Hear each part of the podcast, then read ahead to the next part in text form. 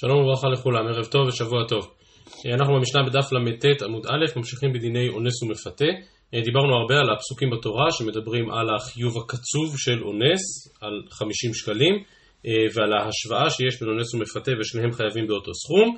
והנה באה משנתנו בדף ל"ט עמוד א' ומחדשת שהקנסות הללו אינם חזות הכל, יש גם חיוב נוסף. אומרת המשנה, המפתה נותן שלושה דברים והאונס ארבעה. המפתה נותן בושת ופגם וקנס, מוסיף עליו אונס שנותן את הצער. כלומר, הקנס הוא רק חלק מן החיוב, אבל חוץ מזה יש חיוב על בושת ופגם, פגם בהיבט של במרכאות ההפסד על כך שאביה יכול היה לקבל סכום אחר על כתובתה, בושת כמובן מכל האירוע המאוד לא נעים הזה, ומוסיף האונס שמשלם גם את הצער, שכן הפעולה הייתה פעולה אלימה וכואבת, ולכן חוץ מכל החיובים האחרים צריך לשלם גם את הצער. ובכן, מה בין האונס למפתה?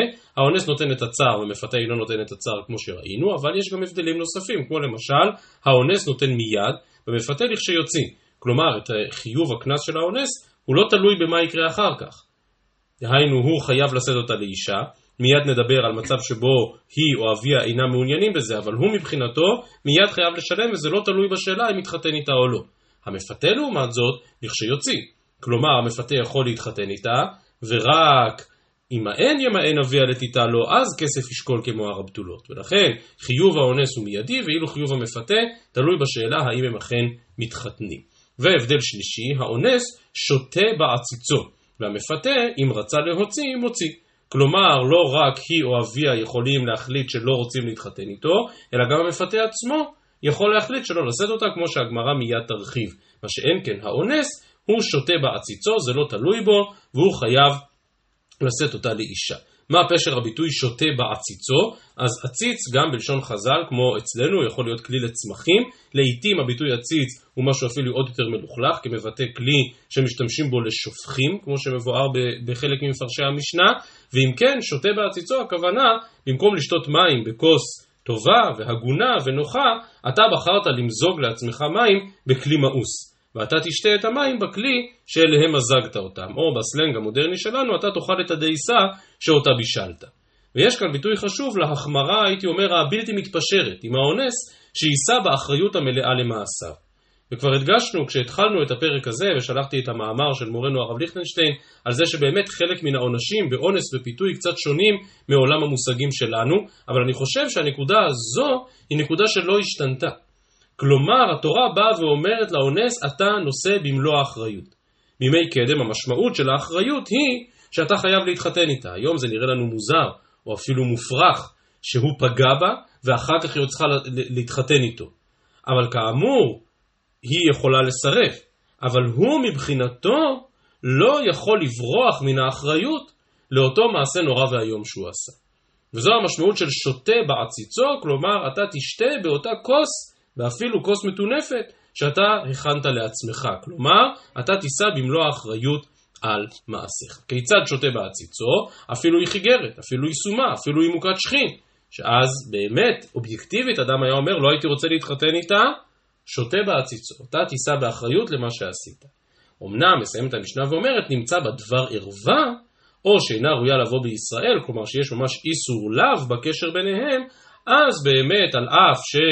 מוטלת על האונס החובה ולא תהיה לאישה כל ימה, ומצב כזה אינו רשאי לקיימה, שנאמר ולא תהיה לאישה, אישה הראויה לו. ואם כן שתי הלכות במשנה שלנו, הלכה אחת לגבי החיובים הנלווים לקנס, דהיינו בושת, פגם וגם צער, על הבושת והפגם בעזרת השם נדבר מחר, על הצער נדבר מיד, וההלכה השנייה היא באמת ההבדל המהותי הזה בין אונס ופיתוי, בהיבט זה שאונס זה לא תלוי בו, שותה בעציצו, בניגוד לפיתוי, שגם היא וגם אביה יכולים להתנגד, וגם הוא עצמו יכול להתנגד, אה, כמבואר במדרש ההלכה, שנראה מיד. אבל תחילה לגבי עניין הצער. שואלת הגמרא, צער דמאי, איזה צער צריך לשלם אונס? אמר אבוה דשמואל, צער שחבטה על גבי קרקע, כלומר צער על עצם הפגיעה האלימה.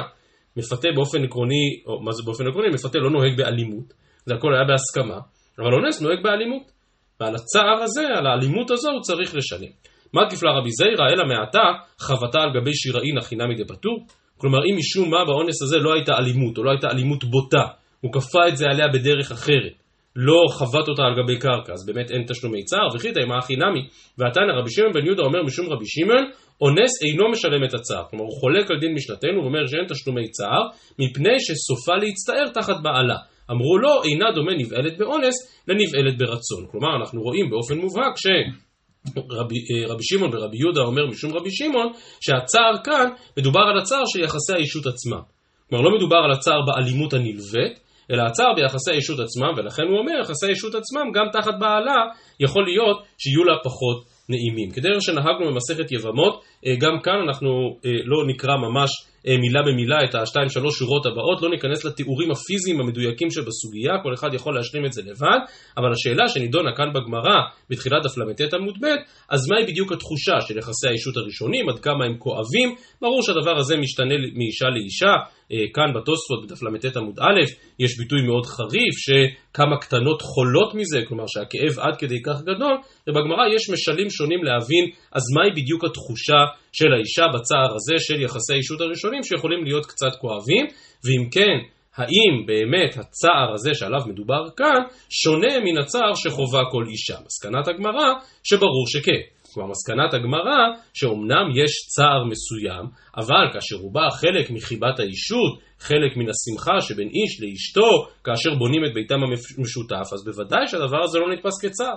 אבל כאשר הדבר בא בכפייה, באלימות, אז הוא מגיע לכדי כאב גדול, וזהו הצער שעליו מדובר במשנה. אז כאמור, אה, לא, לא קראתי ממש את אה, כל מהלך השקלא וטריא כאן בשתיים שלוש שורות האלה שלפנינו, אבל אמרתי בעל פה מהי הנקודה שנידונה כאן וכיצד בדיוק אנחנו תופסים את אותו צער של יחסי אישות ראשונים, בין שזה היה בהסכמתה או ברצונה, בין שזה היה בכפייה ובאלימות, וזהו ודאי צער שהוא צריך לשלם. אני ממשיך בדף ל"ט עמוד ב', כאן בנקודותיים, האונס נותן מיד, והמפתה לכשיוציא.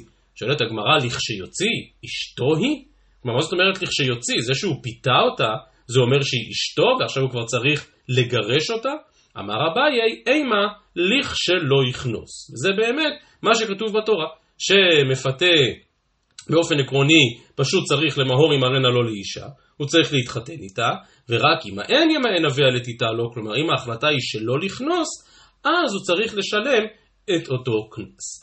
תניא נמי הכי, אף על פי שאמרו המפתה נותן לכשלא יכנוס, אז הנה אתה רואה כאן בברייתא את אותו ביטוי שאביי דיבר עליו, שמפתה רק אם הוא לא כונס, אז הוא צריך לשלם את הכסף, אף על פי שאמרו המפתה נותן לכשלא יכנוס, בושת ופגם נותן מיד. כלומר החיובים הנלווים, החיובים הנוספים שעליהם למדנו במשנה, הם קיימים בכל מקרה. הם קיימים מיד. שכן, הקנס תלוי בשאלה אם יתחתן איתה או לא. אבל בושת על כל האירוע המביך והמביש הזה, ופגם, את זה גם המפתה צריך לתת מיד. ואחד האונס ואחד המפתה, בין היא ובין אביה, יכולים לעכב. פשוטו של מקרא, ימאן ימאן אביה לתיתה לו.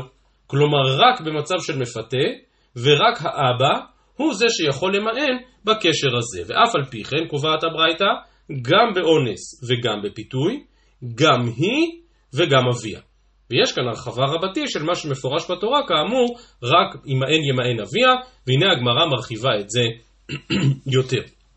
אז מהיכן נלמד את זה בפסוקים? בישלמה מפוטר אומרת הגמרא, כתיב ימאן ימאן אביה, אין לי אלא אביה, כאמור שזה פשוטו של מקרא, היא עצמה מנין, תלמוד לומר ימאן מכל מקום.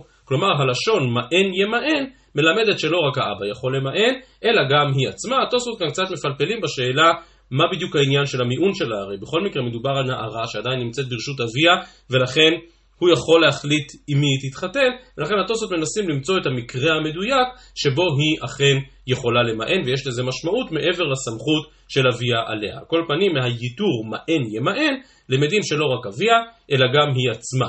טוב, אז זה עוד נשמע, זה דבר הנשמע, שבמצב כזה של פיתוי, כפי שאביה יכול להתנגד, ככה גם היא יכולה להתנגד. אלא אונס, לכאורה באונס אי אפשר להתנגד. באונס התורה אומרת בפירוש, ולא תהיה לאישה, לא יוכל לשלחה כל ימיו, וזהו. זה, זה קשר מחויב ביניהם. ובכל זאת אומרת הגמרא לא, אלא אונס. בישלמה היא דווקא באונס הדין היותר פשוט זה שהיא עצמה יכולה להתנגד. מדוע? משום שכתיב, ולא תהיה לאישה, מדעתה. כלומר, היא צריכה להסכים. ואם היא מסרבת, אז היא לא צריכה להתחתן איתו. כלומר, הוא שותה בעציצו. הוא יש לו כאן קשר כפוי בעל כורחו, אבל היא יכולה להתנגד. אלא אביה מנהלן, דווקא כאן החידוש הוא שגם אביה יכול להתנגד, אומרת הגמרא שני הסברים. אמר אביי, שלא יהא חוטא נזכר. כלומר, אדם כנראה חפץ במישהי, אביה בשום פנים ואופן לא הסכים שהיא תתחתן איתו, אז מה הוא עשה? עשה את המעשה הנורא והיום ותפס אותה בכוח. אז עכשיו אם תאמר שאבא לא יכול להתנגד, נמצא שחוטא נזכר. רבא אמר, לא צריך להגיע לנימוק הזה, אלא קל וחומר. ומה מפתה, כמו שראינו מקודם, שלא עבר אלא על דעת אביה בלבד, הרי זה היה בהסכמתה, אביה כנראה לא הסכימה, אבל היא הסכימה. ובכל זאת למדנו שבין היא ובין אביה יכולים לעכב, אונס שעבר על דעת אביה ועל דעת עצמה, לא כל שכן ששניהם יכולים לעכב. אם כן, אם למדנו מן הפסוקים שבמצב של פיתוי שניהם יכולים לסרב, כך גם במצב של אונס שניהם יכולים לסרב. רבא לא אמר כאביי, כי הוא הבין שאין כאן מצב של חוטא נשכר, כיוון דמשלם קנס, לאו חוטא נשכר.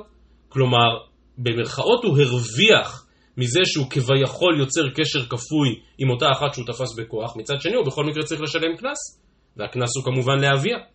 ולכן במצב כזה קשה לומר חוטא נשכר, כי הוא שילם על מה שהוא חטא. ולכן רבא לא קיבל את הפשט של אביי. אביי לעומת זאת לא אמר כרבא, מפתה דאי הוא מצי מעכב. כלומר, במצב של פיתוי לא רק היא או אביה יכולים להתנגד, אלא גם המפתה עצמו יכול להתנגד. כמו שראינו במשנה וכמו שהגמרא מיד תלמד מן המקראות.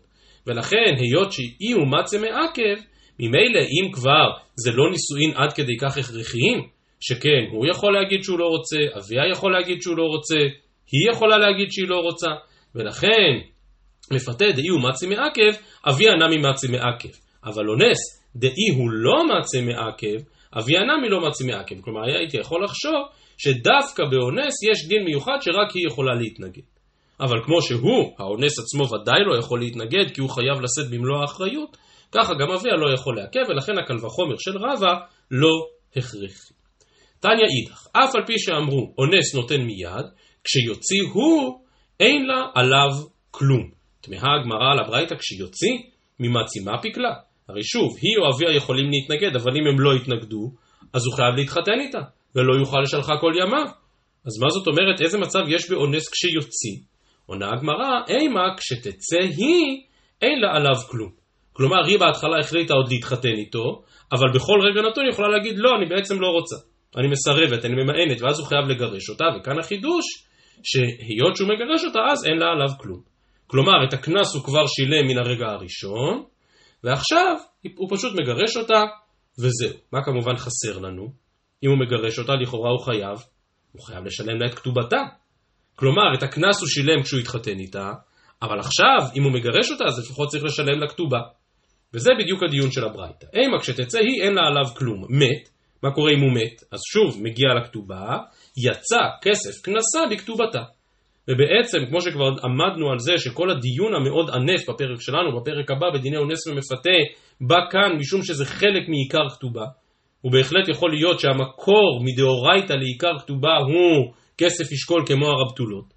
ולכן, בעצם, בזה שהוא שילם לה את אותו קנס לפני שהתחתן איתה, זה בעצם כתובתה. ולכן אם הוא מגרש אותה אז אין לה עליו כלום, שוב, רק ביוזמתה, כי הוא לא יכול לגרש אותה מיוזמתו, ואם הוא מת גם כן אין לה עליו כלום, כי יצא כסף כנסה בכתובתה, או במילים אחרות אין לה כתובה. רבי יוסי ורבי יהודה אומר, מה פתאום, יש לה כתובה מנה. נכון, היא כבר לא בתולה, אז כתובתה רק מנה ולא 200, אבל יש לה כתובה ממנו. מצב של גירושין, במצב של אלמנות. אומרת הגמרא במייקה מפליגי, רבנן סברי טעם המאי תקינו רבנן כתובה, כדי שלא תהא קלה בעיניו להוציאה, והלא מצי מפיק לה. כל הכתובה היא רק רשת ביטחון, כדי שלא יבוא הבעל בוקר אחד ויחליט לגרש את אשתו, אבל כאן יש בעל שלא יכול לגרש את אשתו. היא יכולה להחליט שהיא רוצה לצאת, אבל הוא לא יכול לגרש אותה. ולכן הכתובה אינה רלוונטית. ורבי יוסי ורבי יהודה סבר, הנמי מצייר לה, עד דאמרה היא לא באינה לך. הוא יכול, במרכאות, להציק לה, לעשות לה את המוות עד שהיא מיוזמתה תבקש להתגרש, וכדי שהוא לא ינהג כך, אז בכל זאת צריך להטיל עליו איזשהו סייג, איזושהי מגבלה, והוא צריך לדעת היטב שהוא עדיין חייב לה כתובה מנה. התוספות כאן מעריכים לדון ושואלים, כל העניין של הכתובה זה רק כדי שלא תהיה קלה בעיניו להוציאה?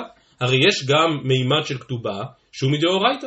והתוספות מפלפלים בהרחבה, האם יש מצב שאחרי אונס או אחרי פיתוי, עוד תיתכן מציאות כזאת של כתובה דאורייתא? האם יש לחלק בין בתולה לבעולה בשאלה של כתובה דאורייתא? אה, והתוספות הזה אני חושב שהוא תוספות חשוב מבחינה מתודית, כי השאלה העקרונית על כתובה דאורייתא, השאלה שדיברנו עליה, בתחילת המסכת, באמת הולכת ומלווה את המסכת לכל אורכה, ושוב ושוב חוזרים אל השאלה הזאת, שכן סוף סוף אנחנו במסכת כתובות. ולכן השאלה מתי ואיך יהיה חיוב כתובה מדאורייתא, בהחלט שאלה שמתעוררת שוב, כמו למשל במקרה הזה. ממשיכה הגמרא ואומרת, אונס שותה בעציצו. אמר לרב עמי פרזקיה לרב אשי, מיכדי מיגמר גמרי מהדדי. הרי ראינו שיש השוואה בהרבה הלכות בין אונס למפתה. בראש ובראשונה, שהוא חייב חמישים והוא חייב חמישים, וכאן שקלים ושם שקלים. ואם כן מיכדי מיגמר גמרי מהדדי, להמילתא נמי ליגמרו מהדדי. דהיינו בדיוק כפי שאונס שותה בעציצו, וזה לא תלוי בו ולא תהיה לאישה כל ימיו, אולי נאמר אותו דבר גם על מפתה. כלומר שהיא או אביה יכולים להתנגד, אבל הוא לא יכול להתנגד. הוא חייב להתחתן איתה. עונה הגמרא, דף מ עמוד א' למעלה, אמר קרא, מהור ימהרנה לא לאישה, לא מדעתו. כלומר, מהפסוק יש לדייק שגם המפתה עצמו יכול להחליט שהוא לא מתחתן איתה. עכשיו, אפשר היה להתווכח על הדיוק מן המילה לא, אבל כנראה שמדרש ההלכה הזה מבוסס לא על ההשוואה בין אונס למפתה, אלא אדרבה על ההנגדה שביניהם. שכן דווקא לגבי אונס התורה אומרת לא יוכל לשלחה כל ימה. וכך באמת נראה מן התוספות כאן, שבאונס הוא לא יכול לגרש, אבל דווקא מזה משמע שמפתה כן יכול לגרש. ואם כך משמע שהדבר באמת תלוי גם בו, לא רק במפותה, לא רק באביה, אלא גם במפתה עצמו, דהיינו הקשר הזה במצב של פיתוי, קשר שמראש היה קשר ביוזמת שניהם, בהסכמת שניהם וכולי, קשר שכזה, באמת שניהם יכולים להחליט שלא רוצים להמשיך. ממשיכה הגמרא ואומרת כיצד שותה בעציצו, אז ראינו שהוא בעצם חייב להתחתן איתה בכל מצב, למעט אם יש כאן דבר עבירה. אם הקשר ביניהם אסור, ואז לא נכפה עליו להתחתן עם אישה האסורה לו. אמר רב כהנא, אמרית לשמעת קמא דרב זביד מנהר דעה, ניתי עשה ונדחי לא תעשה. הרי יש מצוות עשה ולא תהיה לאישה כל ימיו, ולכאורה המצווה הזאת תדחה את הלאו של, לא יודע, נניח היא ממזרת, או יש בה איזשהו איסור לאו אחר, למה לא נאמר כאן עשה דוחה לא תעשה? ומצוות תעשה הזאת שלא תהיה, ולא תהיה לאישה, לא יוכל לשלחה, כאמור מצוות עשה מהותית ועקרונית, שבאה לבטא את זה שהוא לא יכול לברוח מאחריות, אז באמת למה לא נאמר עשה דוחה לא תעשה? אמר לי, וזה מחזיר אותנו לסוגיות בתחילת יבמות, היכא אמרינא ניתי עשה ונדחה לא תעשה, מתי מצוות עשה דוחה לאו? כגון מילה בצרעת, דלא אפשר לקיום אלה עשה. אם יש צרעת במקום המילה, אז אי אפשר למול בלי לעבור על אותו איסור של קוצץ בארתו, ואז באמת מצוות עשה דוחה לא תעשה. אבל הכא, אי אמרה דלא באינה, מאיתי לעשה כלל? הרי כאן העשה הוא פחות חד משמעי, כמו שראינו גם במצב של אונס, גם היא וגם אביה יכולים להתנגד. ולכן כל הדין של עשה דוחה לא תעשה זה רק כאשר ההתנגשות היא חזיתית ובלתי נמנעת. ואז אין ברירה אלא שעשה ידחה לא תעשה. כאן אפשר לנטרל, לבטל את העשה מעיקרו. ולכן במצב כזה לא אומרים שעשה דוחה לא תעשה. כאמור הגמרא, הדוגמה האולטימטיבית שהגמרא כאן בוחרת לעניין של עשה דוחה לא תעשה, זו הדוגמה של מילה בצרה, אבל אם אתם זוכרים בסוגיות שם, הפרק הראשון ביבמות, הדוגמה היותר שכיחה הייתה הדוגמה של, של ציצית. שאף על פי שהתורה אוסרת ללבוש כלאיים, מותר ללבוש כלאיים בציצית, ובאמת אתם רואים שכאן בדף מ עמוד א' יש תוספות מאוד מאוד ארוך שדן בעניין הזה של שא דוחה לא תעשה, והתוספות הזה מתמקד באופן ספציפי בציצית, ובכל העניין של תכלת בציצית, והאם העניין של כלאיים בציצית הוא מחויב, סוגיה גדולה וחשובה, לא כל כך הנושא שלנו. אני רוצה להתעכב דווקא על דברי תוספות ישנים, מי שמחזיק במהדורה הרגילה, אז מה שמודפס באותיות הקטנות, אלה התוספות ישנים, אה, ויש כאן, תוספות, ויש כאן קטע בתוספות ישנים שמבקש לברר מה פירוש העניין של היא אמרה לו באינה. מה המשמעות של זה? שהיא יכולה להחליט שהיא לא רוצה להתחתן איתו, ואז בעצם אין בכלל חיוב עשה. והתוספות מדגישים שזה לא רק האפשרות לבטל את העשה, אלא שבעצם היא נדרשת לעבור על איסור בדיוק כמוהו. כלומר, מצד אחד יש כאן לאו דאורייתא, נניח שהיא ממזרת. או שהוא ממזר, או לא משנה, שיש כאן איזשהו איסור דאורייתא בקשר ביניהם. ואז הוא צריך לקיים איזושהי מצוות עשה שהתורה הטילה עליו, ולא תהיה לאישה לא יאכל שלחה, אבל היא, אין עליה מצוות עשה. ולכן היות שעבורו יש עשה, עבורה אין מצוות עשה, ולכן אך טבעי הוא שהיא לא באינה, שהיא לא מוכנה לעבור עליו דאורייתא כדי לקיים מצוות עשה, שבכלל לא מוטלת עליה, אלא מוטלת עליו. וזה חידוש מעניין, שגם עליו דיברנו ביבמות, מה קורה כאשר יש איזושהי מצווה שמוטלת רק על האיש ולא על האישה. אבוה דקול הוא, זה עצם מצוות הקידושין. האם נכון לומר שהיא מוטלת רק על האיש, או שאולי היא מוטלת על שניהם בשותפות? דיברנו על זה גם כשהתחלנו כתובות, וזו סוגיה גדולה. ולכן, אבל התוספות כאן באמת תופסים את, ה, את העובדה שהיא אמרה לו בעינה, לא רק בזה שטכנית יש אפשרות לבטל את האיסור, אלא בזה שבאמת האיסור כאן, לא נוגע, האיסור כאן נוגע אליה ומצוות העשה לא נוגעת אליה. ולכן היא לא מעוניינת בקשר הזה. אגב, כל העניין הזה, התוספות נותנים עוד דוגמה נוספת למצוות עשה שאפשר לבטל אותה, וזו הסוגיה שם ביבמות בדף ה', המצווה של כיבוד אב ואם. קראנו השבת בעשרת הדיברות בפרשת ואת חנן, וכאמור הדיון הגדול, ראינו אותו שם והזכרנו אותו שם, ודברי הרשב"א החשובים בסוגיה שם ביבמות בדף ה', לגבי חובת הציות להורים. האם מצוות כיבוד אב ואם, גם היא נתפסת כמצווה שאולי אפשר לבטל אותה, כי אם ההורים רוצים למחול על כבודם או לוותר על מה שביקשו, אזי אין בכלל מצוות עשה. ואני אומר, זה רק הזכרתי, היות שדיברנו על דברי התוספות ישנים כאן, אז הזכרתי את השלמת דבריהם, כאמור זה קשור יותר לסוגיה שם במסכת יבב. אנחנו נמשיך למשנה הבאה. שהיא בעצם משלימה את הסוגיה שלמדנו אתמול. אומרת המשנה דף מ עמוד א', יתומה שנתארסה ונתגרשה, רבי אלעזר אומר, האונס חייב והמפתה פטור.